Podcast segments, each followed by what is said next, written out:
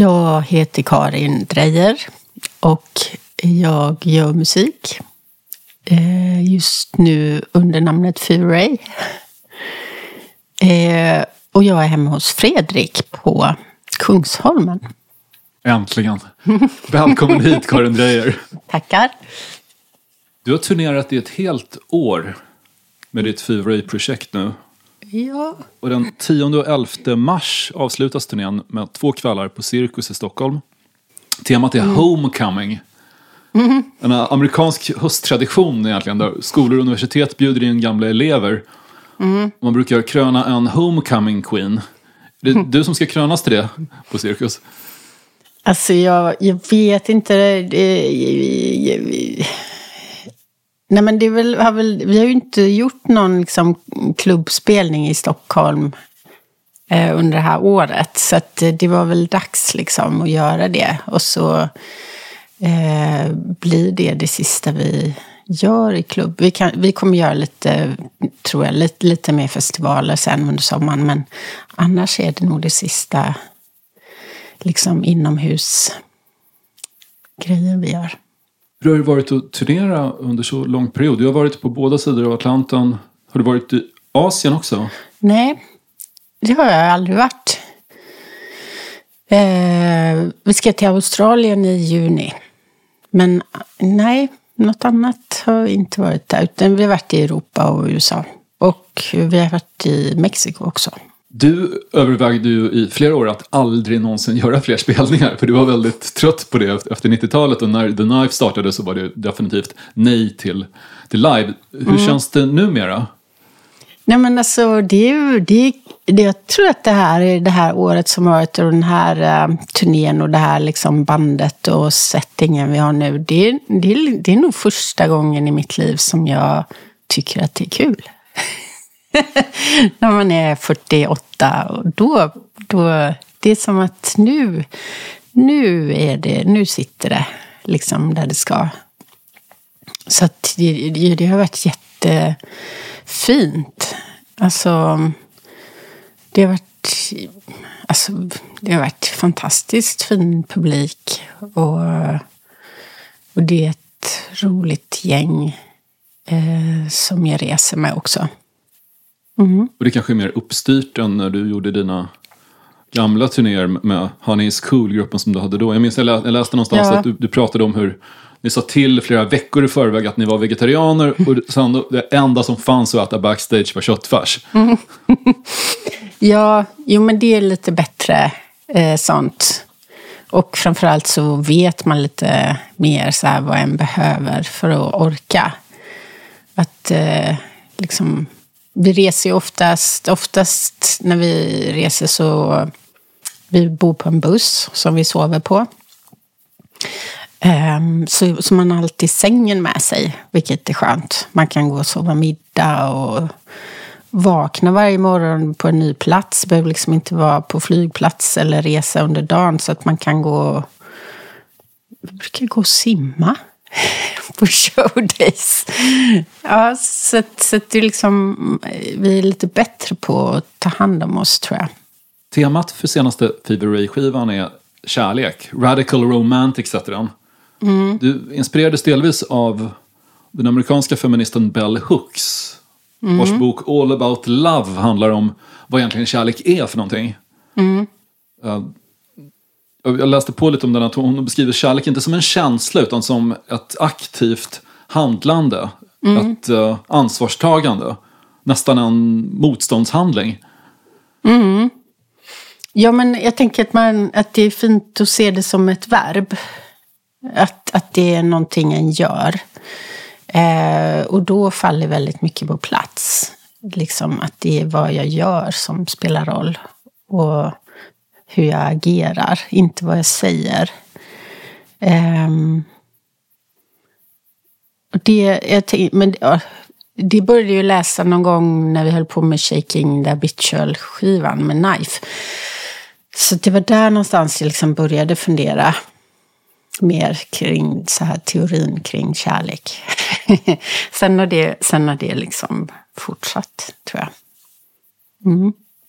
Sen har du förstås skrivit om kärlek många gånger för den, den största jag- majfitten. Heartbeats var ju en Ja, kärlekslåt om ja. absolut. One Night of Magic Rush. Mm. Hur, hur känns den nu?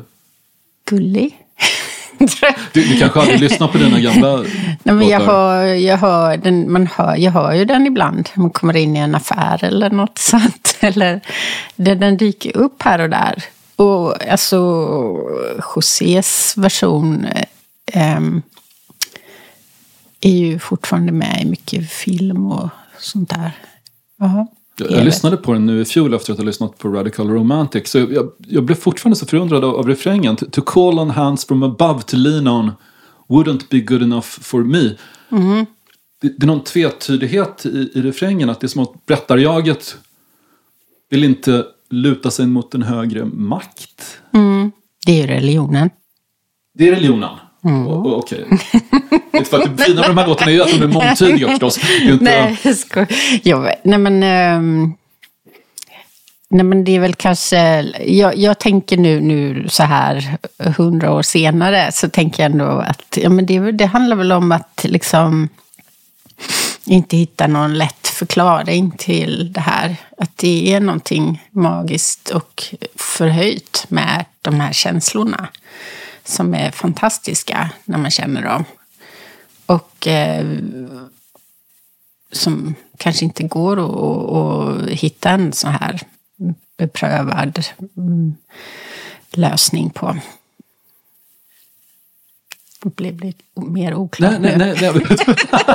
det, är, det, är, väl- det är väl kanske bland det mest fascinerande med din musik att ibland så det är lite som det här kaninhålet som Alice i Underland ramlar ner i. Att du, eh, du tror att du har hittat en betydelse sen fortsätter du gräva och sen så plötsligt så är du ännu mer upp och ner ibland. Men, men ehm, eller som lyssnare alltså.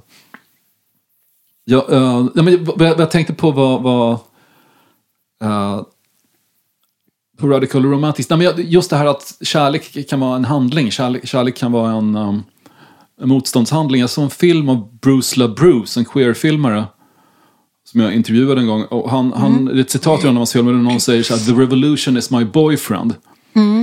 Att, och, och den filmen, som, nu minns heter den? The Raspberry Reich, tror jag den heter. Men i alla Ja. fall, det, det handlar om att samhället eh, försvårar för oss att älska. Det blir ehm, svårt att hinna ha sex, det blir svårt att hinna ha en relation överhuvudtaget. För vi måste alltid vara produktiva. Ja, men jag tänker att kärlek får inte riktigt plats i liksom ett så här superkapitalistiskt samhälle. Det är ju ganska svårt. Det tar tid att göra bra relationer och det tar tid att göra kärlek. Make love, som det blir på engelska. Eller som du sjöng på förra skivan, This country makes it hard to fuck. Ja, det var ju väldigt ordagrant, ganska tydligt där. Ja. Vad, vad tror du om... Eh, jag, jag, jag skilde mig för fyra år sedan ungefär och använde Tinder under en period. Och då märkte jag, även bland, både hos mig och hos en del andra, att efter ett tag så var det så här, kicken av så här, bekräftelse att någon hade swipat höger var ibland det som man nöjde sig med. Och jag tänkte att det här är inte va- Varför ska jag ens träffa den här personen? Jag får ju ändå en sån kick av att bara veta att vi skulle kunna gå på en dejt. Och det, där, där någonstans började jag bli lite orolig för att vad är det då man egentligen söker? Är det en annan person eller är det ja. något annat? Det, där, det, det är ju... ehm, Ja, men det, det är ju väldigt... Alltså, vi, vi pushas ju någonstans till att, vi, att liksom leta efter en person och att det ska liksom lösa väldigt mycket. Eh, eh, vi tittar lite på Love is blind hemma just nu. Vilken är det? Det är en serie? Ja, Det är någon serie där... Eh, åh, gud, det finns så många olika. Men eh, det är ett av mina barn som kollar och så, och så har jag hängt på lite.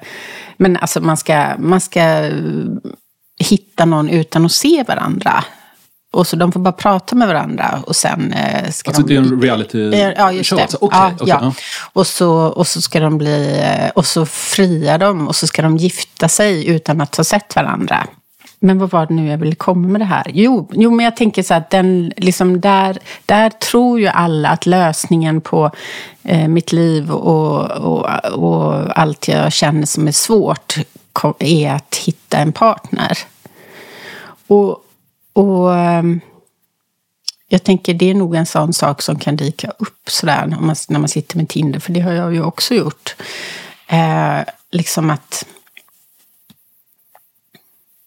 vad är det egentligen?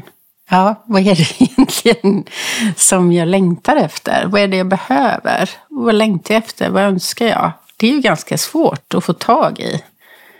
Men det är ju, du kanske kommer fram till det då när du sitter där och man bara, nej. Ibland, ibland kan det vara mysigt att titta på Tinder bara för att ja, det finns massa människor som också är här. så det blir mer som en mysig grej. Kanske blir man väldigt kräsen också. Jag, jag har en, en uh, bekant som uh, uh, använde Grindr mm. år och, och han, uh, han, han gjorde liksom sökbidden bara längre och längre för han hittade ingen som han gillade och till slut så sökte han hela vägen ner till Tyskland. Mm. men det gick ändå inget bra. Mm. Ja, men i Tinder, ja, min, ljus, eh, min ljustekniker Sarah, hon är liksom Tinder-expert. Och eh, hon, hon brukar, eh, hon instruerade oss liksom att man sätter alltid Tinder på staden man kommer till, nästa stad. Liksom, så att man har en dejt när man kommer dit. Eh, så man, det går ju att resa liksom över hela världen. Praktiskt. Aha.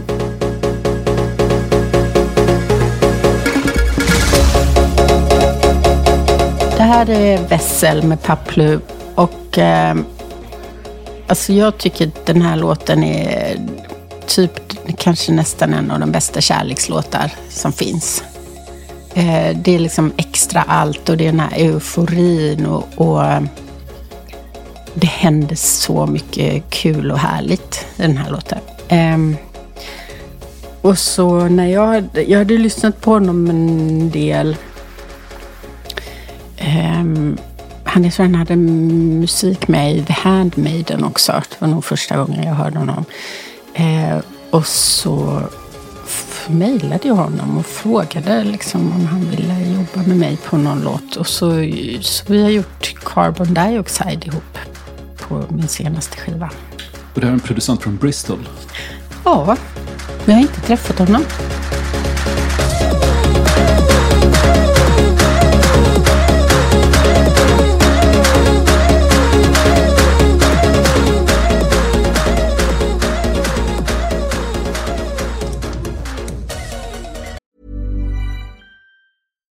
Here's a cool fact a crocodile can't stick out its tongue.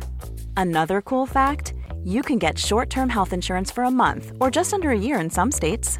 United Healthcare short term insurance plans are designed for people who are between jobs, coming off their parents' plan, or turning a side hustle into a full time gig. Underwritten by Golden Rule Insurance Company, they offer flexible, budget friendly coverage with access to a nationwide network of doctors and hospitals. Get more cool facts about United Healthcare short term plans at uh1.com. Hey, I'm Ryan Reynolds. At Mint Mobile, we like to do the opposite of what Big Wireless does. They charge you a lot, we charge you a little. So naturally, when they announced they'd be raising their prices due to inflation, we decided to deflate our prices due to not hating you. That's right. We're cutting the price of Mint Unlimited from $30 a month to just $15 a month. Give it a try at mintmobile.com slash switch. $45 upfront for three months plus taxes and fees. Promote for new customers for limited time. Unlimited more than 40 gigabytes per month. Slows. Full terms at mintmobile.com. This is Paige, the co-host of Giggly Squad, and I want to tell you about a company that I've been loving, Olive and June. Olive and June gives you everything that you need for a salon quality manicure in one box. And if you break it down, it really comes out to $2 a manicure, which is absolutely insane. It's also so easy to get salon worthy nails at home with Olive and June. The difference between how your nails used to look when you did them yourself and now with the Manny system is a complete game changer. The best thing about Olive and June too is it's a quick dry. Dries in about one minute, lasts for five days, and full coverage in up to one to two coats. Visit oliveandjune.com slash perfectmanny20 for 20% off your first system. That's oliveandjune.com slash perfectmanny20 for 20% off your first system. Du är den mest önskade artisten i den här podcastens historia. Och eh, Jäklars. också den mest svårbokade. Jag, jag försökte ett tag och ofta har jag tänkt så här. Äsch, vad spelar det för roll egentligen? Jag menar en podd med Karin Dreyer, hur intressant kan det bli? Jag kommer sitta där och prata så här queer-teorier om Judith Butler och så. Så jag har försökt liksom tänka att det spelar ingen roll att du inte varit här.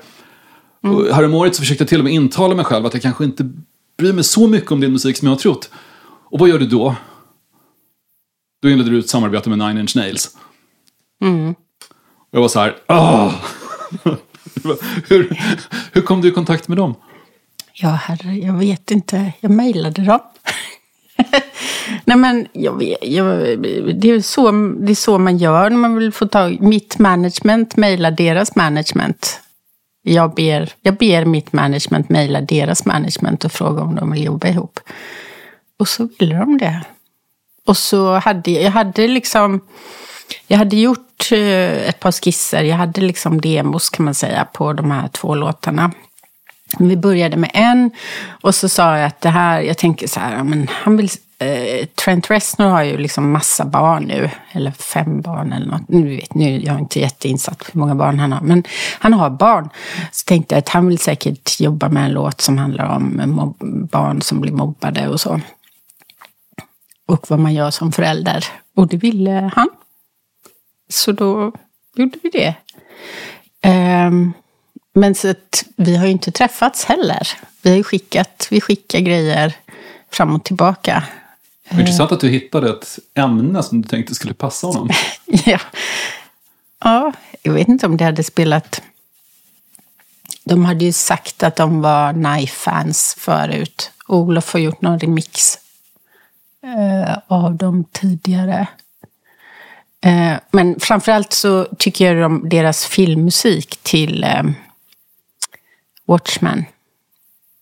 Är bland det finaste som finns. Ja, Den var riktigt bra faktiskt. Jag såg Ja. den så sent. Jag tyckte om den första versionen också, även om Alan Moore som gjorde serien har, har ju fördömt alltihop. Han tycker... Han hatar ju alla filmer som görs baserade på hans serier. Ja, det är lite synd för jag tycker den är jätte, jättefin.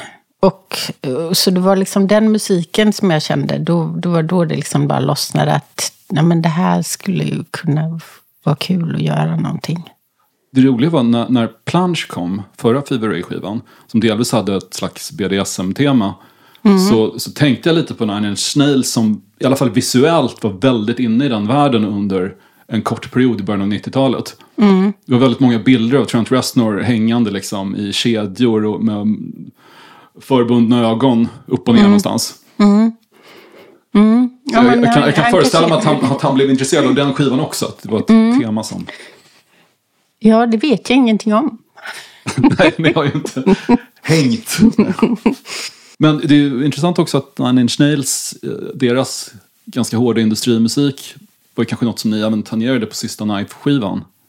Shaking the Habitual. Det fanns det ju delar som verkligen var otroligt dissonanta. Ja men det är ju liksom, det, det är ju, ja men det där vad man kallar industri är ju lite, det är ju ganska, det kan ju vara väldigt brett. Ehm, det liksom kan ju bli massa field recordings som är industri. Och det, men ja, det är mycket, mycket ljud som vi har gillat som är väldigt industri. Mm. Märker du att ni har gått igenom olika, eller att du, du har gått igenom olika faser av att uppskatta ljud? Att det är vissa ljud som tilltalar dig som under en period och sen upptäcker du en ny ljudvärld som du vill in i? Eller det var lite för diffus fråga. Ja. Jag menar, vilken, vilken typ av ljud intresserar dig just nu? Nej, men jag, jag tänker på något sätt så är det nog ganska mycket detsamma. Alltså. Ut- Man, man liksom ändå håller på att förfina mer. Och liksom, hur gör jag det här ljudet? Hur kan jag göra det här på ett annat sätt? Liksom, att, liksom st- stråkar och elgitarrsträngar. alltså, och, och, och håller på och experimenterar och försöker i- hitta på varianter av samma saker egentligen, tror jag. Och intressant att du säger så, att du ändå återkommer till vissa ljudbilder eller vi- vissa teman. När jag lyssnade på Radical Romantics och de, de första fyra låtarna har du gjort då tillsammans med Olof. Jag, jag slogs av hur The Knife det faktiskt lät. Um, Och det, Ja. det, det kanske var förvånansvärt, inte minst för att ni ansträngde er så hårt för att liksom nästan radera eller låta The Knife implodera på Shaking the Habitual. Så, Mm. åter, så finns det ändå vi- vissa, vissa drag, kanske oljefaten Mm. Ja, i, i Candy till exempel, som är, det ljudet låter The Knife, för mig i Mm. alla fall. jag tänker att vi gillar ju vissa saker. Jag, jag gillar... Jag, och i, kanske i perioder som man känt sig bara, nej men jag gillar det här, då måste jag göra precis tvärtom. Eller då måste jag göra någonting annat istället. Men nu känner jag lite mer, jag gillar det här. Och så, vad bra att jag vet det. Eh, så att det är lite, ja. Den här, den här driften att ständigt förstöra det man just har byggt upp kanske inte är lika Mm. stark när man ändå kommit en bit över 40. Håller på att dö. Håller på att- ja. Nej, Nej men jag, det, det kan nog ligga en del i det. Ja. Jag vet, jag vet ju att livet tar slut nu. Alltså, jag, inte Nu? är slut nu, men jag vet det nu. Ehm, eh, det vet jag ju. Det vet man ju inte riktigt när man är 20. Nej, det är sant. Då tror, Mm. man att, då tror du att du, du är odödlig. Ja, Men finns det något specifikt som har gjort dig mer medveten om din egen dödlighet senare tid? Nej, men att människor dör om, runt omkring en. Liksom. Det, det påverkar ju. ehm, att det, det börjar hända liksom. Ja. Mi- Mina föräldrar har båda två lyckats ducka cancer senaste åren. Ja. Och, samma med en hårsmån. Det var, det var Mm. inget som jag tänkte på förut. Att, utan du tänker alltid att de ska alltid finnas där. Mm. Dina lever. Mina lever, ja. Mm. Men eh, ja, nej men så det... Då, det är lite mer... Så jag, tror, jag pratade med Olof för ett tag sedan, liksom, vad, vad är roligt att göra nu egentligen och sådär. Eh, eller liksom vad, i de här tiderna och, och liksom så här. Att, ja, men just nu säger han, ja, men jag vill bara göra musik som folk kan dansa till. Att det är det viktigaste just nu för honom. Man ska inte underskatta bara att Mm. känslan av att göra alla glada på ett dansgolv kanske. Ja, nej, jag tror att det, det känns ju jätte, också väldigt radikalt och viktigt idag. Good God, we come from nothing, nothing's promise. Break our bodies this money, hit our belly every day. Not too many options for my people, so we pray. Hustle, hustle, hustle, hoping one day it go pay. I wonder where the sun is, we been standing in the vein. When get bitter, reaching deeper, find your sugar, sugar, sugar, sugar, sugar, sugar, sugar, sugar, sugar, sugar. Eh, det här är Sugar med Obongie från Nigeria och London. Och den här skivan tror jag att, typ att det är den skivan som jag har lyssnat på mest, alltså som en hel skiva under 2023. För att det, man blir väldigt glad. Det är väldigt avslappnande och jag blir glad. Och det, det, är liksom, det, det är massa krumelurer och ehm, ljud. Och jag tycker om hans röst mycket.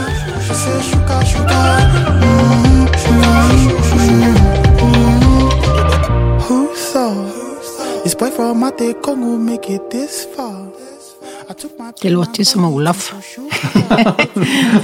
Beatsen menar du? Ja, de här flöjterna och så. Ja.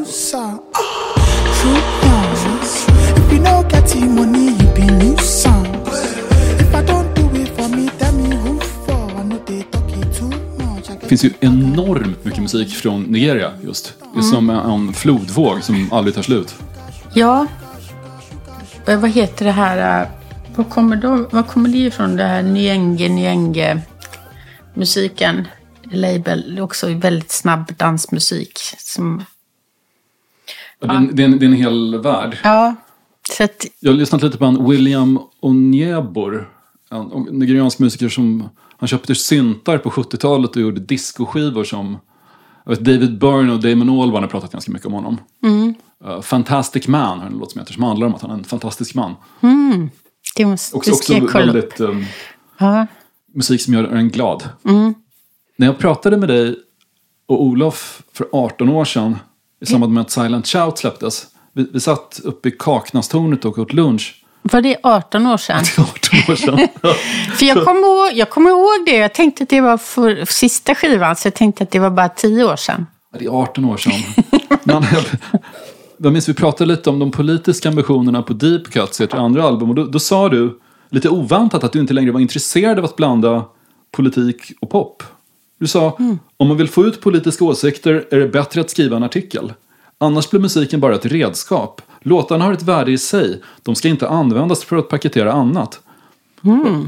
Vad fick dig att ompröva den åsikten? Du kanske bara var trött på att bli galjonsfigur för massa saker som du inte hade valt själv. Jag vet inte hur. Jag, jag, tror, jag tror att jag, att jag menar lite det där med texter och så, liksom, ändå. Jag tänker pol, po, musik är jättepolitiskt. Eller det går ju, eller det är det. Mm. Men sen, sen, sen tänker jag, sen, sen, sen så måste man ju ändå, jag tänker ens, oh nej, det här är så, vad, vad är frågan? Nej, men hur, hur, hur, hur musik och politik, Ja, men liksom, hur va- det sitter va- ihop Varför tror du att, att du under en period tyckte annorlunda? Jag tror att där är jag nog lite eh, trött. du var trött på att prata politik. Ja. Eh, ehm, nej men, eh, jag tror ju, eh, musik har ju ett, en, ett värde i sig självt. Alltså med känslor och det kan få igång känslor och det kan, det, det kan vara så många olika saker. Ehm, och jag tänker, jag menar, jag tänker att mina vad jag, vad jag tycker är viktigt i politiken, det, det får jag ju igenom på massa olika sätt gen, i, genom musiken. Och så, det är så mycket praktiska saker också, hur val, vilka man jobbar med och hur, hur man gör saker. Och, ehm, ja, det är inte två skilda ting. Din musik som jag uppfattar den har aldrig någonsin varit det man brukar kalla för plakatpolitisk. Det är inte så att här är ett eller så är det jag som har missuppfattat det. Jag har alltid tänkt att det finns ett visst mått av osäkerhet. Eller nå nå någonting diffust i, i låtarna. Det, Mm. man, man skriver... Texterna säger inte gör så här. Utan, Nej, det är inte propaganda. Ge, ge, nej, verkligen inte. Även om propaganda kan vara ett intressant sätt att jobba Mm. på också. Nej, men jag tänker att vi jobbar ju med en hel del humor. Det är ju en viktig sak, tänker jag, i, i det mesta. Och glädje. Lust, lust och humor, det finns ju inte i det nyfascistiska i vårt samhälle idag. Eh, Så det är en viktig grej att jobba med. Du berörde lite livet som småbarnsförälder på första Fever Ray-skivan. Um, hur är du som tonårsförälder numera? Eller vänta, dina barn kanske inte är tonåringar längre? Nej, jag har Ja. ju en som är 20. Nej. Ja. eh, som har flyttat hemifrån. Ja. Jag har noterat som, som tonårsförälder, nybliven tonårsförälder, att jag plötsligt börjar oroa mig för att hon ska bli fördärvad av popkultur på ett sätt som jag aldrig trodde att jag skulle göra. Hon lyssnar på, på gangsterrap jätte- jättemycket. Och då tänker jag, kommer det här att fördärva hennes späda 14-åriga hjärna? Nej, men det är ju fantastiskt att hon lyssnar på musik. Tänker jag. Dina kanske inte gör det. Men jag har en som säger att alla behöver inte hålla på med musik. Och är väldigt anti-musik. Har jag ett barn. Kreativt sätt att göra uppror ändå, om man har, har dig som Ja. förälder. Ja.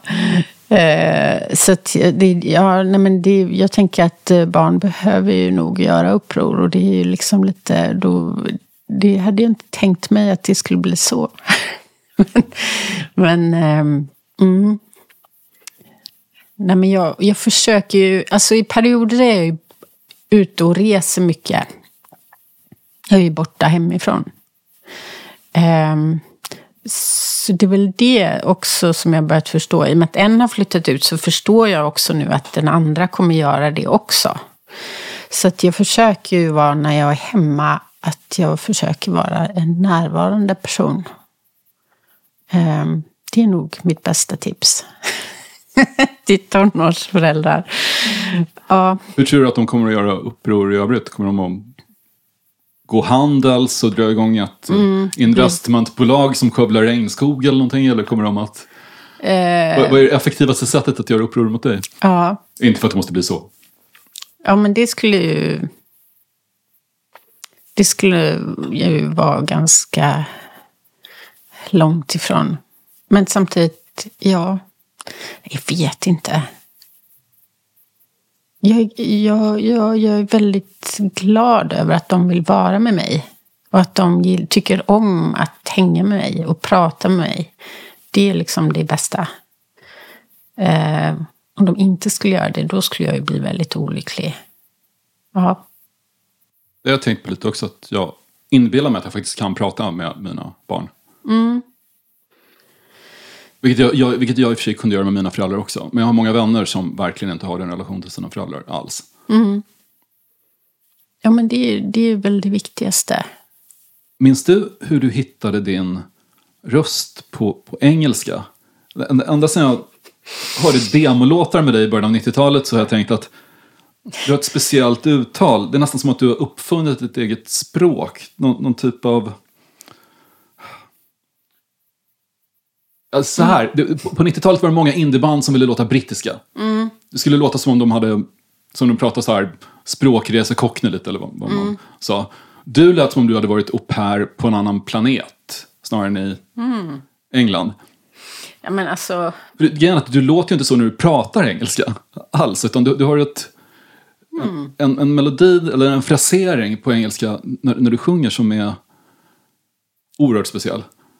Tycker du det fortfarande? Ja, for, Ja, for, ja. for, fortfarande. Det Ja, för, för jag tycker ju, eller alltså, ett, mitt äldsta barn fnissar ju och skickar så här roliga eh, rader och sånt på liksom gamla Hannes Cool-texter och sånt. Och liksom bara ho, ho, ho, och så gör memes och sånt om det här. Eh, tycker det är jätteroligt. Eh, så att, jag menar, jag, jag tycker, det är ju lite... Jag kunde, jag var inte... Alltså det här, nu ska vi prata en tidigt 90-tal. Eh, då fanns ju inte mobiltelefoner och sociala medier och sånt. Men jag, jag tänker att jag var ganska dålig på engelska, först och främst. Ehm, men sen så sket jag nog fullständigt i hur det lät. Ja. Och det är liksom, varför ska jag prata brittisk eller amerikansk engelska? För att det är ju inte... Det, jag har ju ingen koppling till något av det. Ehm, Men det fanns ju, nu kommer jag bara för nu pratar 90-talet här, så kommer jag att tänka på ett band, ett finskt band, det här 22 Pistepirko. Ja, just det. De hade ju också en specifik eh, accent. En finsk engelska. Eh, tänker jag. Eh, eh, Björk hade ju en isländsk accent. Så det fanns, jag tänker det fanns ju... Och det är intressant att det här är då artister som faktiskt slår internationellt. Ja. Kanske delvis på grund av det. Och eh, ett nutida exempel är ju ändå Yung Lean. Hans, hans Ja. sätt att rappa, han, han låter lite... Jag minns när jag hörde honom första gången, då tänkte jag på Broder Daniel. Ja. Det var något med det här lite, lite slöa. Han låter som någon som sitter i uppehållsrummet och inte orkar gå till en, till en lektion. Nästan som att han, han bryr sig inte ens om att vara så bra på engelska. Och det blir en del av, av effekten. Ja, nej men... Det, det är lite konstigt. Jag liksom... Eh, engelska har väl varit något ett mer så poetiskt språk. Att det är skönt för mig att ha det. Att det blir ett extra filter. Liksom. Fast, för sen så håller jag faktiskt på jättehemligt, men ett svenskt projekt. Oj. men, det, men det vet jag inte om det någonsin kommer bli färdigt. Men jag har börjat, eh, börjat försöka skriva på svenska. Men det vet jag inte om det någonsin kommer ges ut. Men ehm, Kommer det vara inom ramen för Fever Ray eller något nej, det nytt går ju projekt? inte. Det, det, är ju- det är ju engelska. Så det måste vara något annat. Ehm, men Jag har inte försökt låta som någonting. Utan det, det har blivit det som har kommit ut. Jag, jag satt en gång och pratade med Henrik Berggren i Broder Daniel och frågade honom om han ansträngde sig för att medvetet sjunga på lite svajig engelska. Och han blev han såg jätteledsen ut och sa du, jag, jag bodde i USA när jag var liten. Jag tycker jag sjunger på jättebra engelska. Men sen, sen, eh, jag tog upp samma sak med, har du lyssnat på Kite någonting? Ja, det är Niklas Stenemo som sjunger i Kite. Jag, jag frågade, han, han har också en frasering som är ja, men så lite drömskt störd nästan. Han, han sa att hans stora inspirationskälla var Nico. Ja. Att han ville sjunga lite som Nico. Ja, men det är också ett bra exempel på när man får ändå, man inte behöver göra det till något annat än det där man är. Jag vet att du har ju haft delvis Klaus Nomer lite som vokalledstjärna. Han hade också en svajig tenorröst som, som lät oerhört udda. Det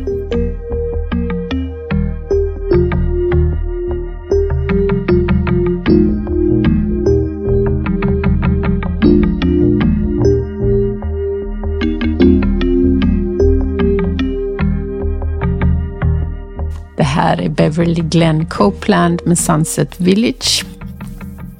Och eh, jag hörde honom ganska sent. Den här låten är från 80, 86 kanske. Eh, Keyboard Fantasies. Eh, som, det är jättemånga fina låtar där.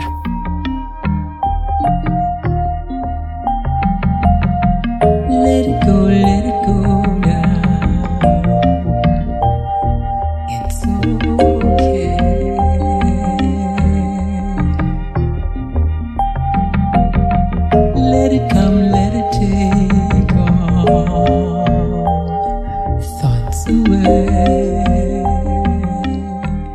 precis med brittiska artisten Romy här i podden som um, samplar Beverly Glenn Copeland på låten Enjoy Your Life på sin solodebut. Som så- också talade sig varm för honom. Tydligen hade Robin tagit med Romy på en Beverly Glenn Copeland-konsert här i Stockholm för några år sedan. och så hon hade upptäckt honom. Ja.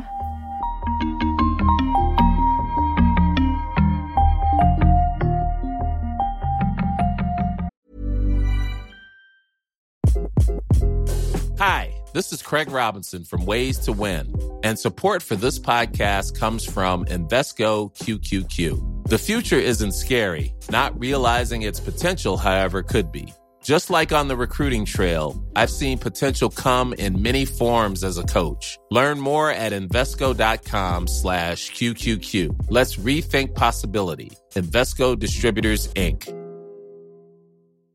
Hey, I'm Ryan Reynolds. At Mint Mobile, we like to do the opposite of what Big Wireless does. They charge you a lot, we charge you a little. So naturally, when they announced they'd be raising their prices due to inflation, we decided to deflate our prices due to not hating you. That's right. We're cutting the price of Mint Unlimited from $30 a month to just $15 a month. Give it a try at mintmobile.com slash switch. $45 upfront for three months plus taxes and fees. Promo rate for new customers for limited time. Unlimited more than 40 gigabytes per month. Slows. Full terms at mintmobile.com. Cool fact a crocodile can't stick out its tongue. Also, you can get health insurance for a month or just under a year in some states. United Healthcare short term insurance plans, underwritten by Golden Rule Insurance Company, offer flexible, budget friendly coverage for you. Learn more at uh1.com. Let it go, let it go down. Den första singel du köpte var Cyndi Laupers On Through the Night. Ja. Var hon din första idol? Ja, det var hon nog. Ja. Tycker fortfarande att det är väldigt... Ja, men hur hon var där då är fortfarande fascinerande. På vilket sätt då? Ja, men är liksom... Hennes röst är ju fantastisk, tycker jag. Och... Eh, men hur hon klädde sig, att det var så ändå punkigt fast poppigt. Hon var ju mycket tuffare än Madonna, liksom. Ja. Ibland så förknippas hon ju mest med låten Girls Just Wanna Have Fun som vissa då tycker handlar om att tjejer vill bara ha kul. Men hon hade ju en- någon typ av engagemang. Hon var ju lite radikal. Jag tror She Bop måste ju vara en av de absolut första låtarna om kvinnlig onani. Ett ämne som kanske var i alla fall mer tabu då än det är nu. Ja, men hon har också massa fin... Hon är liksom aktivist och, och har, eh, gör massa fina grejer idag också. Men... ehm, ja. Men jag kanske, hon kanske inte gjort så mycket mer spännande musik efter det. Gjorde Efter en bra låt med Clear minns jag för några år sedan. Okej. Ja, men just det, det gjorde hon. Ja. Men det var din första singel.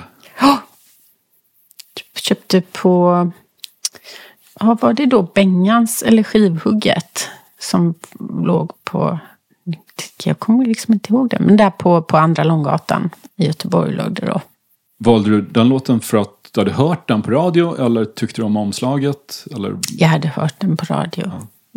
jag vet, du nämnde någonstans att det var lite extra spännande för det var amerikansk pop och du lyssnade inte på hemma. Nej. Men det ändå, nej, men liksom min pappa tyckte ju om att åka till det- den här skivaffären på helgerna. Så då hade jag ju ändå fått följa med och så fick jag bestämma själv. Och så köpte jag den här. Och eh, tänk vad mysig grej ändå. Och, men då var jag bara åtta år också. Eh, men det, det gjorde vi ofta. Vi åkte in till skivaffär på helgen. Från Pixbo in till stan. Vad, vad jobbar din pappa med? Eh, han är arkitekt. Och din mamma var bibliotekarie? va? Så det var mycket musik i hemmet? Det var det. Men inte, ingen amerikansk pop. Vad fick du höra då istället? Alltså det var mycket... Det var mycket så här jazz, Miles Davis. Eh, Den typen av jazz lyssnade han mycket på. Men också in, innan dess var ju mycket... Ändå väldigt mycket proggmusik och nationalteatern och så. Ehm. Men ja, men jag skulle säga mycket jazz. Ja, det är ju därför jag ratat helt. Ratat jazzen helt. ja. ja. Men när jag och Olof jobbar ihop så kan vi fastna. Olof tittar på mig. "Ja, Nej men du gillar ju inte sådana där toner. Och så får vi liksom rensa bort de här som jag tycker är fula tonerna som jazzen har. Vilken typ av toner är det? Ja, jag, jag är ju inte musikalisk skolad så jag kan inte säga vilket det är. Men om vi har en skala liksom, så går jag dit och bara klick, klick, klick, klick. Tar bort de som är fula. Ja. Hur gick du vidare sen efter Cyndi Lauper? Vilka, hade du några andra musikaliska faser innan du hamnade i någon typ av indie-rock? Ja, Prins tänker jag. Jätte, Ah. jätte, jättelång, stor fas. Ehm, ja, jag älskade Prins. Fick du se honom live till och med? Ja, men det var ju senare. Det var ju på Way Out West för Okej, ett antal år sedan. Ehm, inte då. Nej, men det, nej, det är det enda jag minns. Jag minns när jag såg honom första gången så det var på Isstadion. Det kan ha varit sent 90-tal, 97 kanske. Han, gick- han går in och det första han gjorde var att hoppa upp på pianot i höga platåskor och så gå ner i split. Och det var som att jag inte tittade på en människa utan något annat. Någon, något typ av sagoväsen. För jag hade aldrig sett någon röra sig på det där sättet. Det är lite som Lady Gaga förra året som stod på ett ben och i någon sån här yogapås och spelade piano. Så, så är det. Nej, missade det. Med ett ben rakt ut, liksom 90 grader bakåt och så stod hon på ett ben och spelade. Men det var inte så vackert. Det var säkert finare det här med prins tror jag. Hur viger du på scen? Eh, men jag kan vara... Jag kan vara ganska vig. Vi jobbar mycket vi jobbar med en koreograf som heter Agnieszka Lugoslewska. Hon är från Cullbergbaletten. Eh, hon, henne har vi gått igenom. Hon också var med och jobbade med Candy-videon. Eh, men hon, hon tittade liksom på en filmning av hela plansch, eh, våran, vad vi gjorde på scenen då. Och så sa hon, ditt, eh, vad heter det, to go to move. Alltså safety, ditt safe to go to move, det är sumo squat. så, så, där bara, så fort du inte vet vad du ska göra eller när du blir osäker, då går du till det har jag sett. Eh, och det är ju ganska, tänkt på, men... det är ju ganska vigt. Ja, verkligen. Ja, ja men där, där är jag ofta. Mm. Och så gör jag ju en, en bakböj också. Bra dagar så kan som limbo. Liksom att jag kan, den är rolig att sjunga i. Den som man står som en sådär. Nu är det svårt att visa i radio. Men tänka sig bak, en bakböj liksom. Har du vridit ryggen ur led någon gång när du har gjort limbo-rörelserna på scen? Nej, men det brukar lite kännas så efteråt. Så att eh, jag brukar vara ganska trasig i kroppen efter turnéer. Hur mycket har du hängt med när Olof har varit ute och och DJat eller, eller spelat på open airs och klubbar över hela världen? Har du varit med och dansat en del då? Nej, men det har jag ju varit lite dålig på.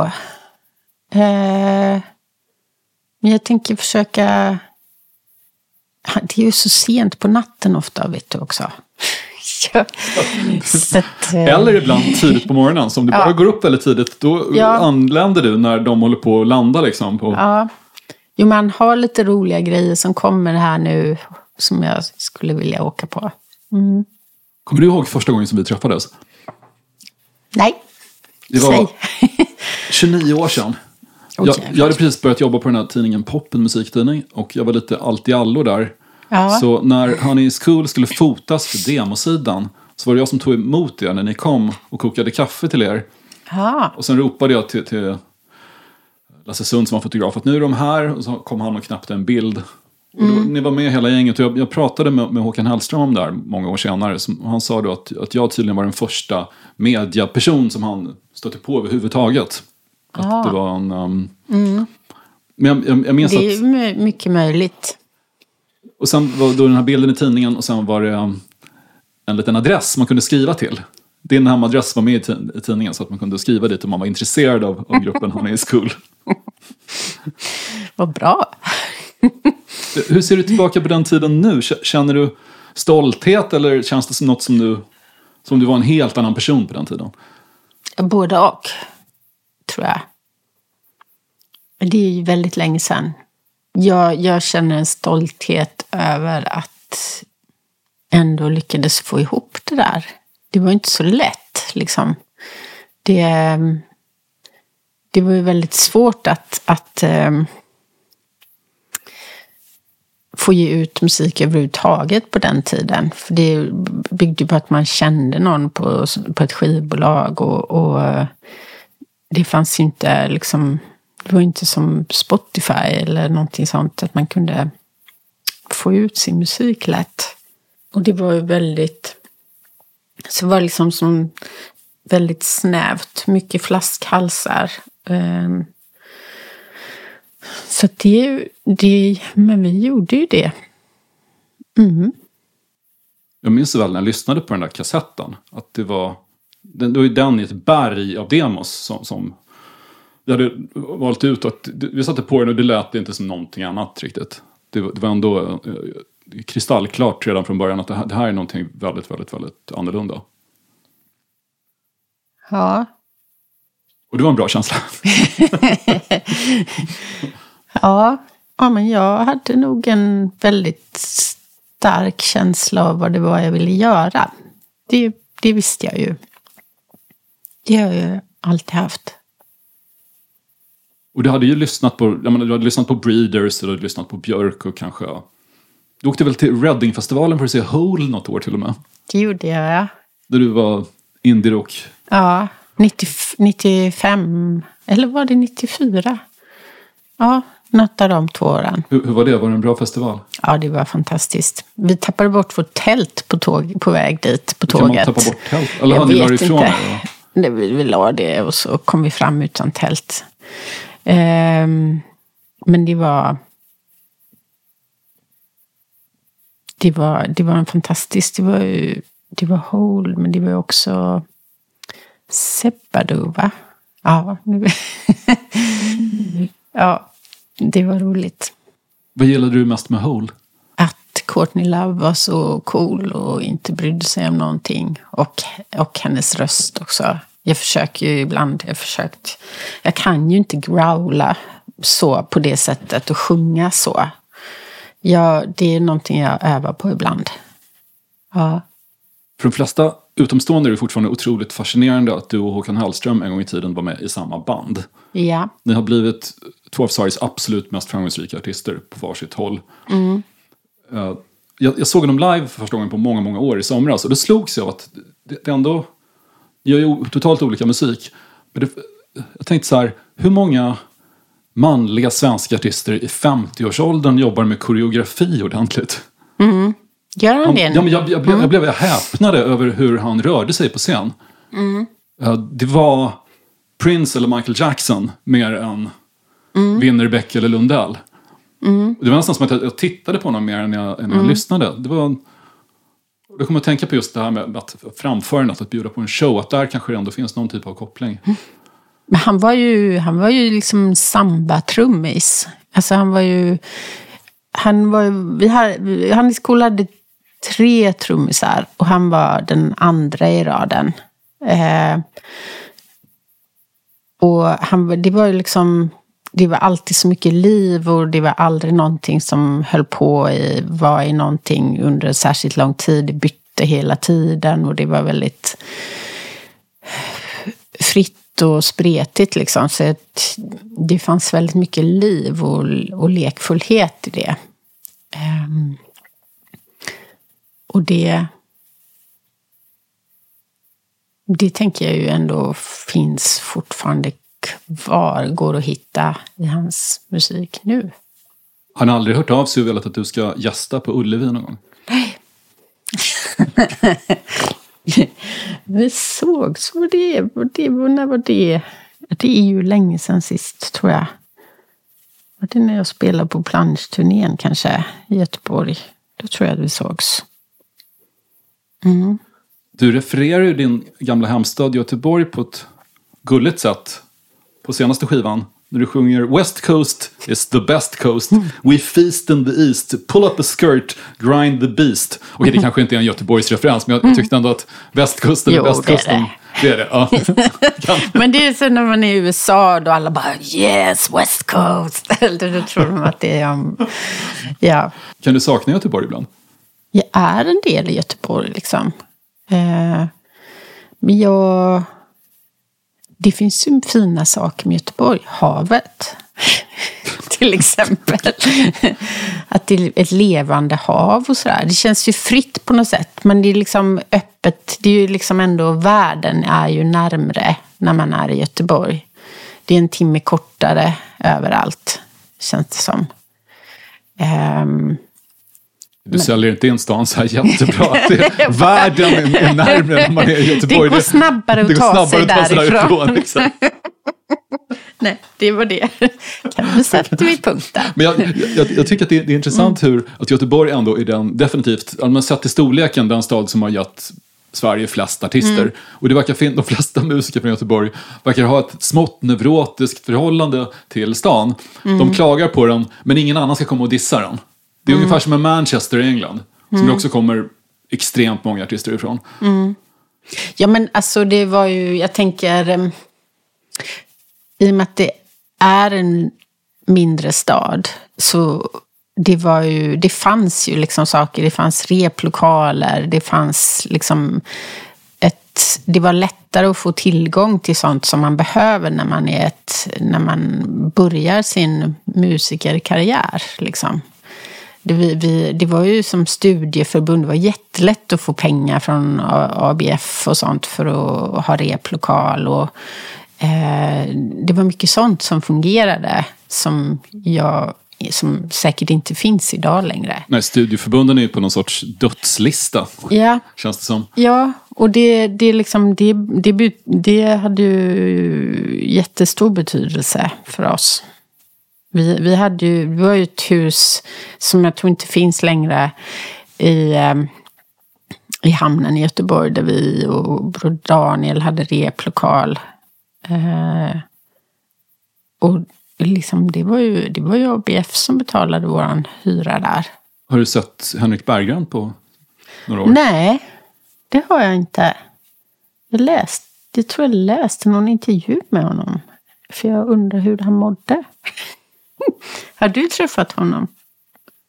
Vi, vi, hade, vi hade kontakt genom en gemensam bekant för tre år sedan ungefär, lite eh, sporadiskt. Jag, jag är mest glad att han gjorde en soloskiva, att den kom ut och var så pass bra.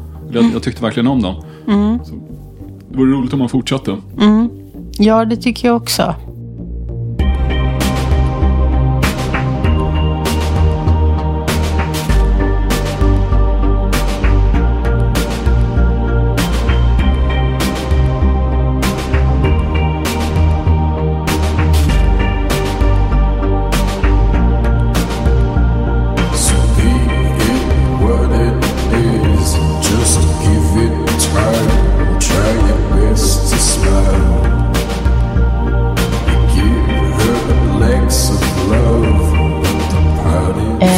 Det är Candy Walls med Trust.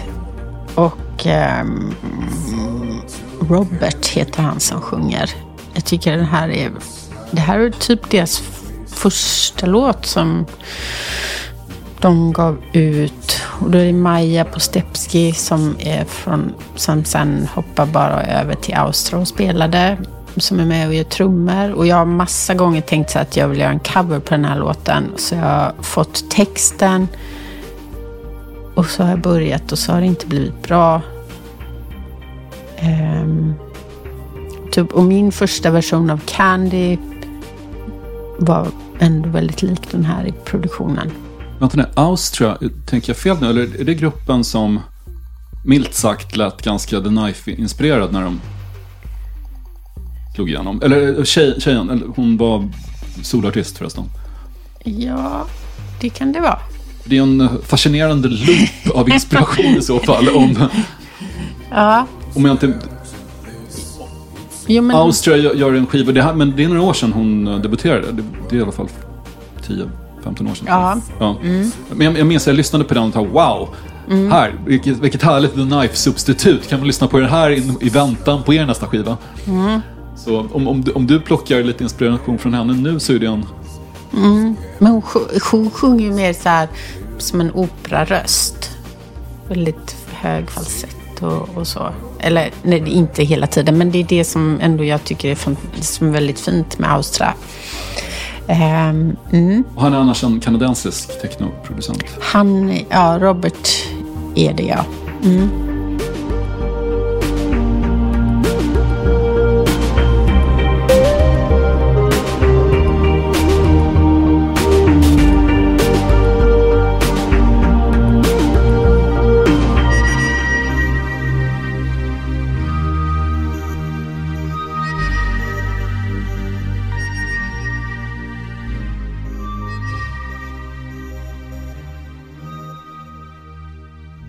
Du hade ett band före Honey is Cool som hette Virginia.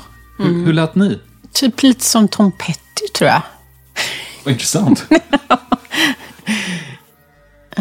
Ja, jag tror vi gjorde en cover på Free Fallin'. Det här är sjuan. Det är så länge sedan. Ja, Okej.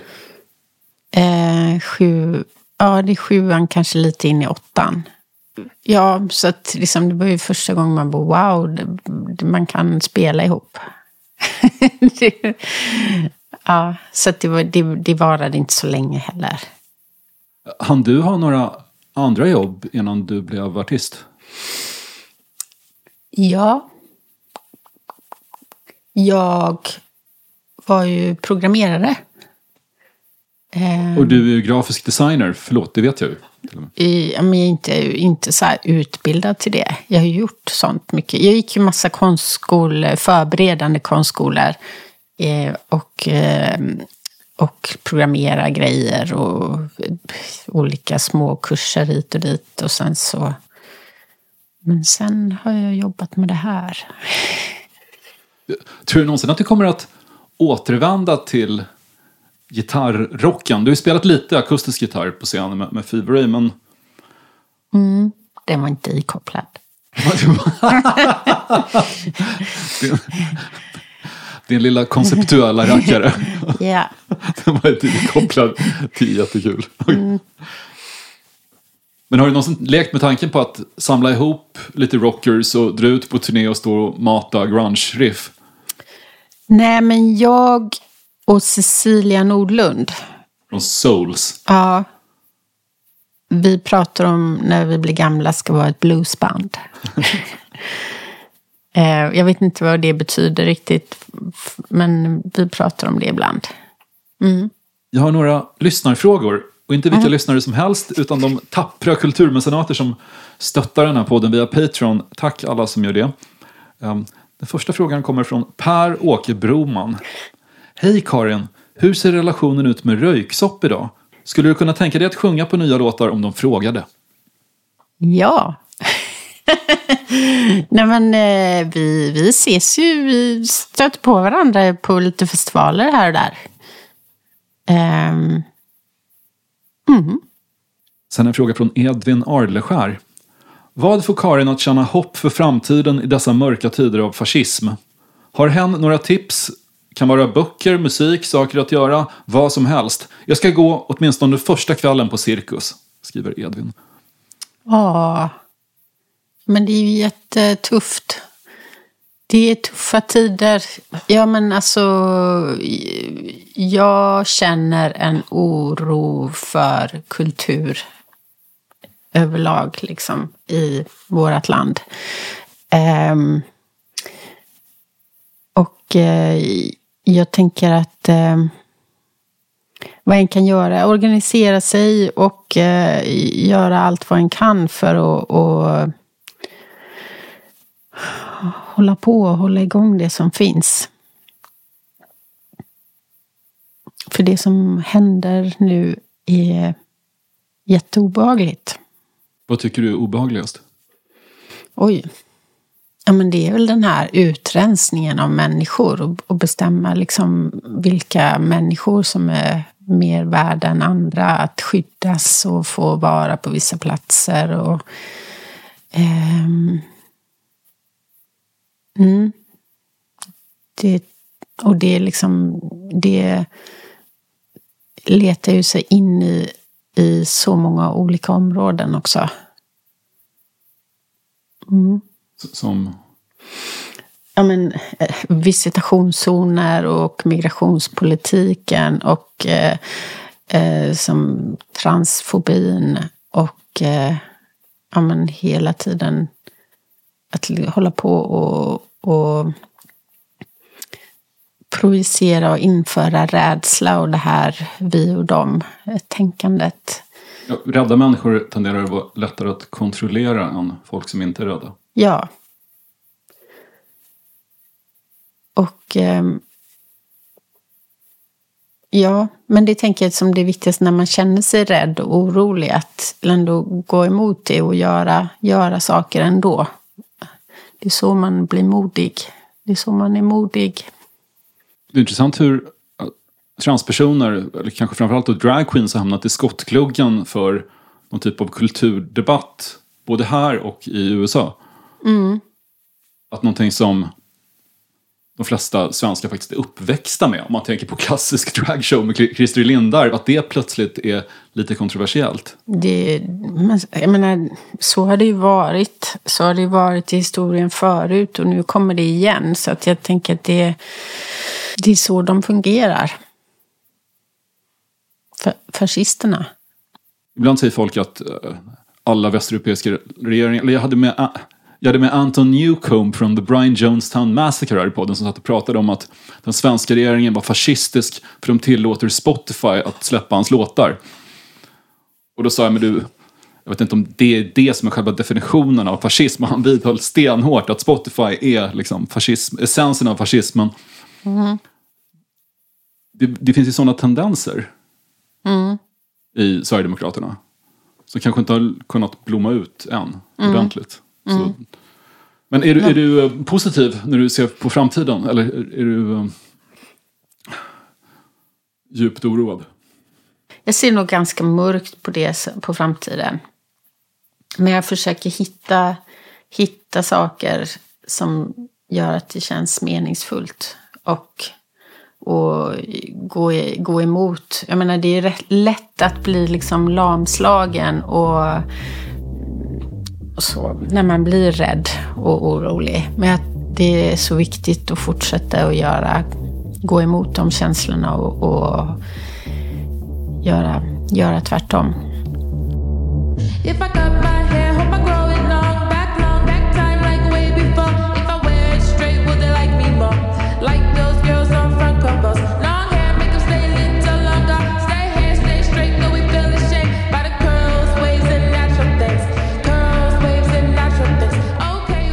Eh, det här är Selfish Soul med Sudan Archives. Ehm, jag eh, såg henne för några år sedan på hus 7 i Slakthusområdet. Jättefint var det. Eh, hon är en fiolspelare, bland annat. Ja, men gör grymt bra musik. Den här är nog för, från par år sedan ungefär. Jag sa att hon spelade på en festival i London i somras där uh, Fever Ray också ja, uppträdde. ja, men vi det var inte samma dag, så att Ja. vi missade. Tror jag. I alla fall, jag missade henne då. Hon är från LA och heter Britney Denise Parks egentligen. Sudan Mm. Archives. Intressant artistnamn, Sudan Archives. ja, det, det, det kan ge en bild av att det är någonting helt annat. Det låter nästan som en, en sån här, vad han? Alan Lomax som åkte runt och samlade upp uh, folkmusikinspelningar runt i USA. Ja, För att, de här mixtapes, vad heter de? Eth- Ethiopian mixtapes, eller? Ja, nej, ja. Men, ehm, ja, men jag tycker det här är grymt.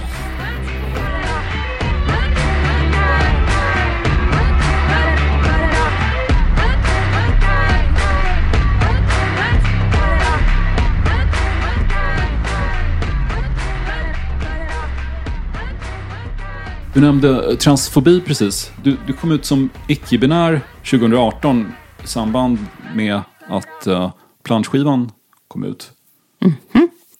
Tror jag. jag vet inte. Ehm, jag har inte tänkt på det på något så här speciellt Ögonblick. ögonblick eller någonting sånt. Jag tänker att det är något, någonting jag har känt hel, alltid. Hela livet. Ja. Men inte vetat, inte haft ord eller vetat för liksom vad, vad, vad heter det här som jag är? Och jag är liksom jag känner, jag känner väl att icke-binär är det närmsta ordet som finns. Som känns lämpligast för mig. Ehm, Det, och det är en känsla av att inte känna sig varken som man eller kvinna. Jag, jag tror inte på binär, det binära systemet. eh, Frågan är vad det är som gör att man känner sig som man eller som kvinna. Vilka, ja, nej, men jag tänker det är ju väldigt... Det beror på vad man ligger i- sociala konstruktioner. Ja. Ja, Helt. ja, det tror jag. Du tror inte på några biologiska skillnader mellan könen? Men jag tror inte på kön. Okej. Nu blir det jätteavancerat det här. Men jag tänker om, om det är ett spektra istället. Men det är väl så det faktiskt ser ut eh, Och det är ju så det i, i biologin naturen. ser ut. Ja, biologin är ju inte liksom inte eh, ett, en etta eller en nolla. Eh, biologin är ju också en, ett, ett spektra. Så att, så att det är liksom... Det, biologin, det, att, att vi väljer att dela upp det i en etta och en nolla är ju, gör det väldigt begränsat. Ibland när jag läser texter om icke-binära personer på engelska så eller om jag, jag är väl ovan att jag, men ibland fastnar jag i they och them. Att jag, jag, jag missförstår meningar och så när jag, när jag läser, vilket jag inte gör när jag läser hen i en text på svenska. Men i, i ditt fall, när jag läser texter om dig i The Guardian till exempel, som älskar dig mer än Edvard Blom älskar smör. Du får verkligen bra press av, av The Guardian, alltid. Men ehm, Det känns så egendomligt passande för För jag, jag har så många. Ja, du är, du är, är du är, så- ja, jag kommer, det finns ett ställe i Bibeln då Jesus träffar en man som är besatt av en demon och frågar demonen, vad heter du? Mm. Och demonen svarar, jag heter Legion, för vi är många. Vad Ja. Vackert. Det, det, är ett vackert ställe i, i Bibeln och i, i, i dig ryms så många väsen på något vis. Ja. Inte för att de nödvändigtvis är en del av din personlighet eller någonting. Men, men du, du har ju en, en förmåga att eh, mana fram olika figurer. Olika karaktärer. Men jag tror att jag och ihop med min kompis och kollega Martin Falk, vi liksom förkroppsligar berättelserna och förkroppsligar känslorna mycket. Och Martin då- Falk gör videor och Han gör- foton. Och det. video, foto och, och liksom artwork och så. Ehm, så vi liksom letar ju efter hur ska den här se ut som performar den här låten? Och hur ser den här ut som ska berätta den här historien?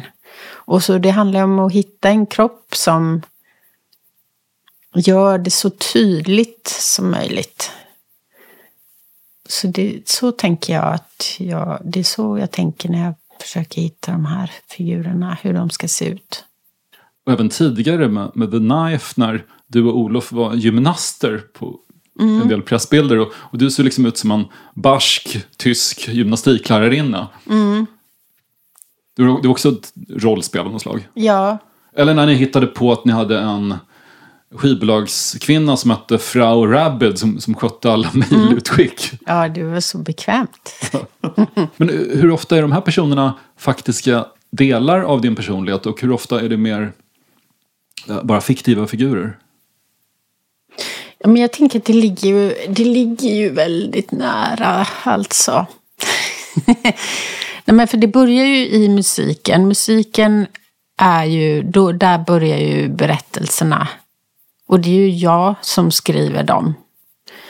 Eh, då tänker jag inte så mycket, ja men det är den här och det är den här, den ser ut så här. Det, det, där är jag inte i när jag skriver det. Så då är det liksom mer utifrån känslor. Så att det börjar ju med mina känslor och det jag tycker känns viktigt att berätta om. Ehm, och sen får de kroppar ehm, senare. Så att det ligger ju ganska nära. Hur har din icke-binära identitet påverkat dig rent socialt? Har, har dina nära och kära fått vänja sig vid att kalla dig hen istället för hon?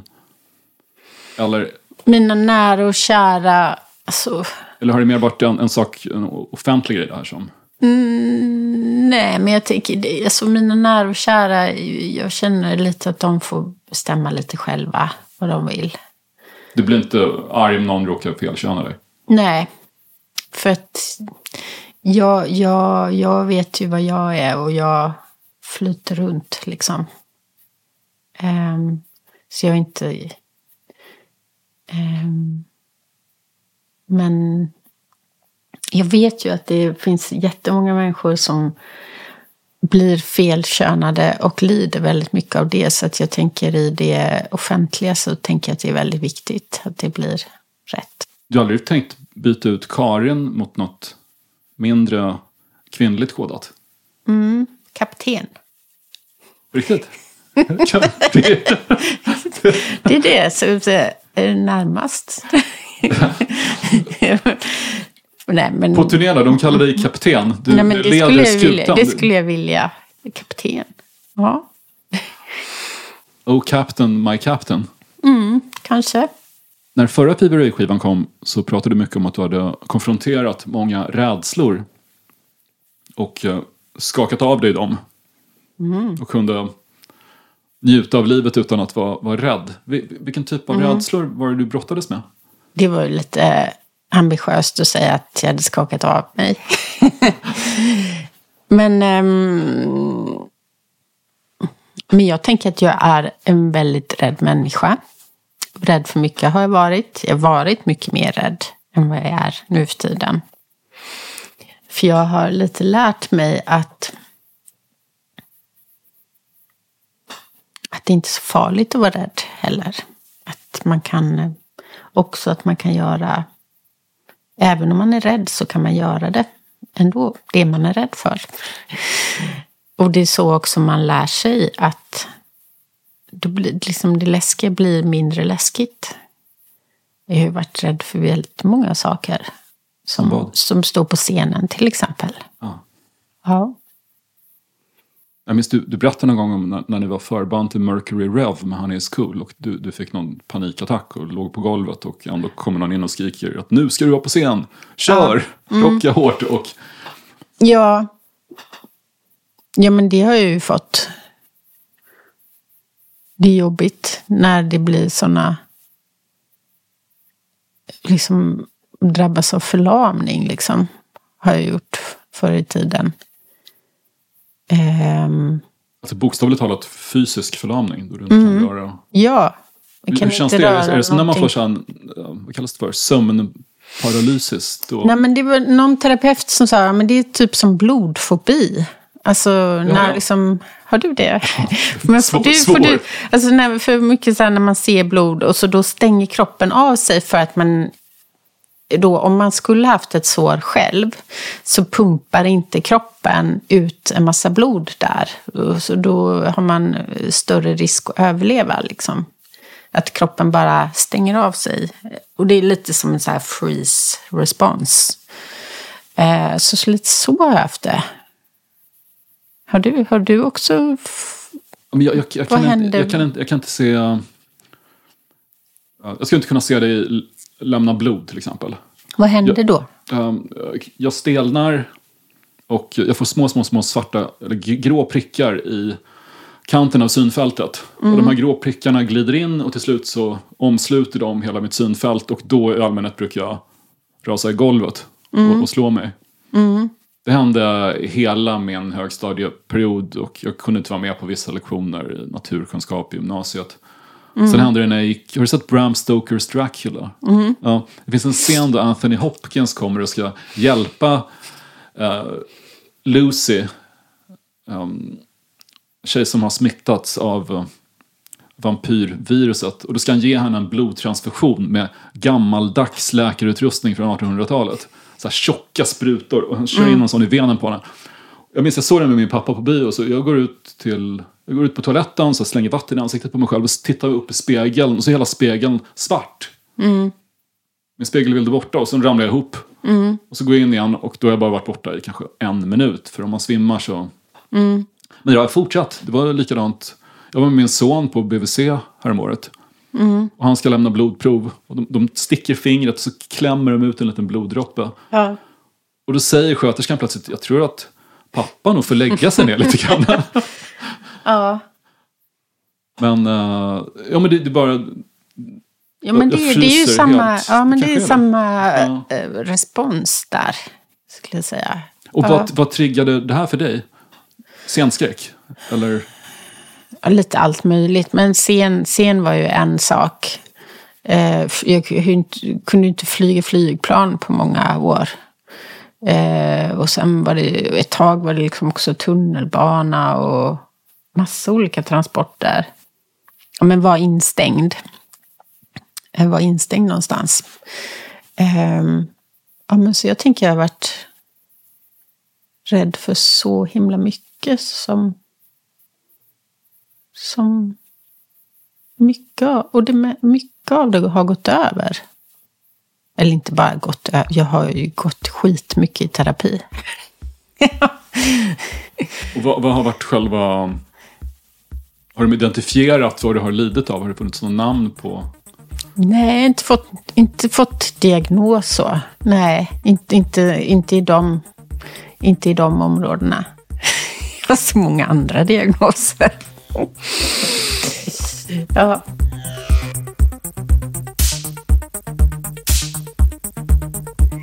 Eh, Det här är Throbbing Gristle med Hot on the Heels of Love. Eh, Har jag redan sagt att vi har spelat bästa kärlekslåten? Ja, men här kommer en till.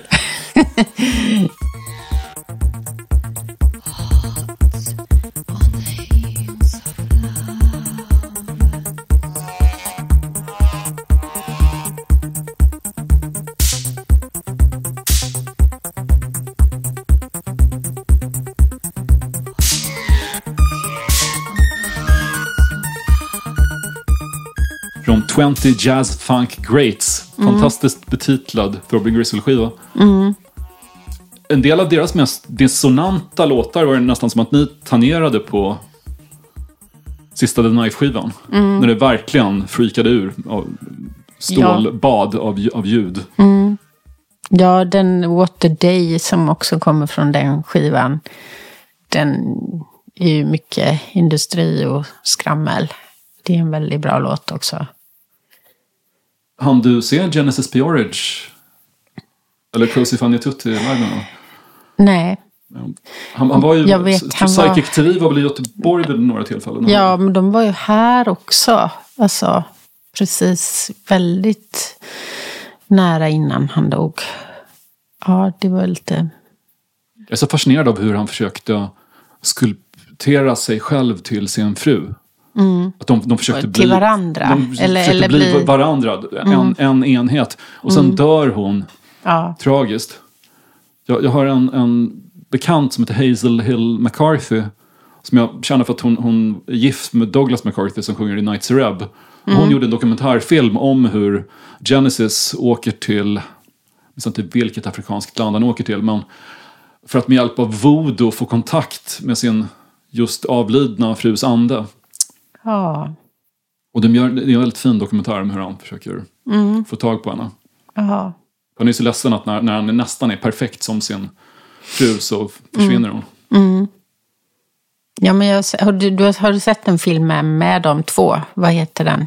Ja, som handlar om, om när de håller på och blir, blir sin enhet. Han verkar ju inte varit så här jättesnäll mot Cozy Fanny Tutti. Om man läser hennes självbiografi så verkar han ha varit väldigt uh, våldsam mot henne. Ja, man kastar en tegelsten va? Dålig stil. Ja.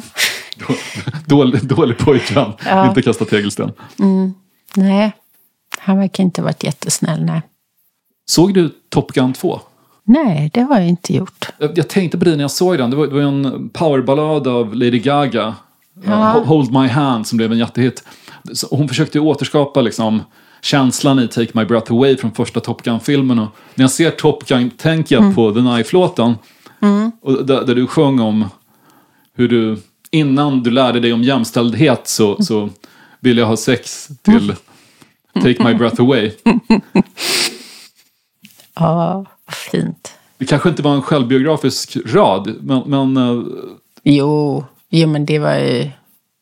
det Det, det det var en stor grej ju, Okej. Top Gun. Det var lite det här Pretty Woman-syndromet. Att många tjejer som växte upp och såg Pretty Woman och tyckte åh det är världens bästa film. Och sen ser de om det några år senare och tycker att oj. Ja. Fast Top Gun är ju inte så farlig på det sättet Nej, kanske. nej, men det, det, den måste jag se. Var den bra? Den nya? Ja, och det är en fin powerballad. Mm. Ja, men då ska jag ta och titta på den.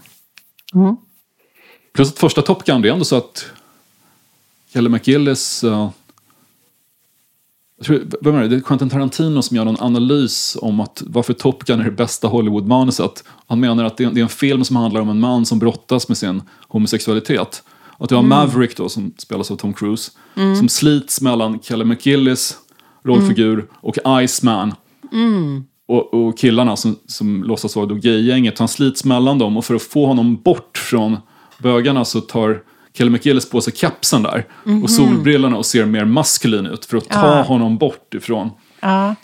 Så han hade en teori om att he hela filmen är en, um, egentligen handlar om, om homosexualitet. Och den, inte, han, har inte Quentin Tarantino också, och han har väl haft många teorier om det där att, att, han, att han alltid letar efter en tjej som är som sina killkompisar.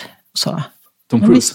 Nej, Quentin Tarantino själv. Ja, jo, i allra högsta Ja, grad. ja. Mm. Så är det nog. Det bästa exemplet på det, Så det, det pratar han om ofta känns som. har du sett uh, Death Proof, den filmen? Ja. Om, jag är väldigt förtjust i den. Men det här eh, tjejgänget som ses i andra halvan som sitter och käkar um, frukost tillsammans. Och det är som en pastisch på Reservoir Dogs egentligen. Och där alla de här tjejerna är som som de har kommit direkt ur hans fantasi. För de, de uppskattar verkligen att få blandband. Ja. De finns faktiskt på riktigt. Men han kanske inte har hittat dem riktigt. Jag tror att han har gjort det. Ja, du tror det? Ja. Jag, jag, läste en intervju med någon tjej som hade dejtat honom som sa att ja, han är, han är ju jättegullig och sådär. Men han, han sa, frågade om jag ville följa med honom hem och sen ska vi sitta och så här, gå igenom gamla videokassetter och göra upp så här, system för hur de ska katalogiseras. Det var inte vad jag hade tänkt mig när jag gick hem med honom, men fine.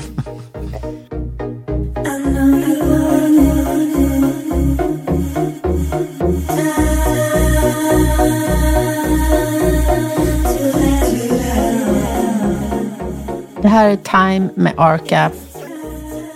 Och ja, men Arca är ju en massa snabb och fin, bra musik också. Men det här är en av mina favoriter.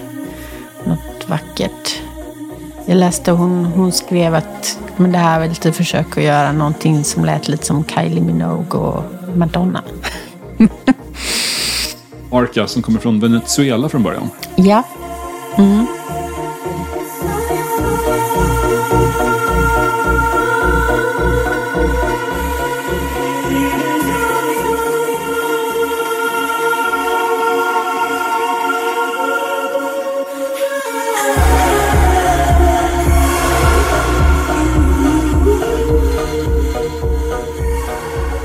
älskar de här biomekaniska robotdräkterna som hon haft på sig på scen.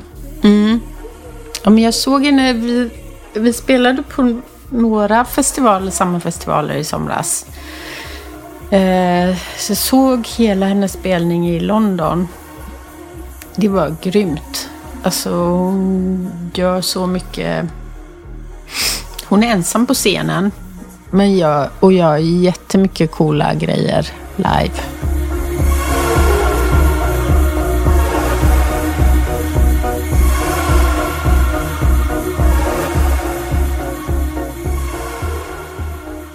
I sommar har det gått precis 25 år sedan ni började jobba med The Knife. Planerar ni några jubileumsaktiviteter? Näpp. eh, nej, jag tror inte vi har tänkt. Jag visste inte det. jag kommer inte hinna göra någonting sånt i år. Och Olof var också väldigt busy. Det är det där med, med att splittra ett band när man, när man är, om man är syskon. För då, såvida man inte är, är bröderna Gallagher i Oasis och inte pratar med varandra längre, då, då kanske det kan vara... Vi har ju studios bredvid varandra med en liten glasruta med ett fönster mellan. Så att jag, vi kan se varandra när vi jobbar. Och när ska du genomföra ditt svenskspråkiga projekt? Det vet jag inte. Det får vi se om det blir bra. Har du något arbetsnamn på Ja, men det är hemligt. Spännande. Lycka till med att sjunga på svenska.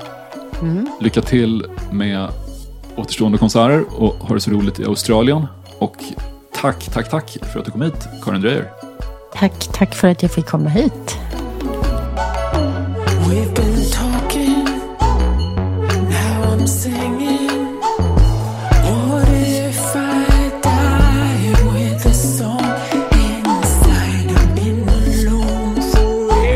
Här podcasten producerades av Daniel Bäckström för Lejon Media. Karin Dreyer var hemma hos Drage.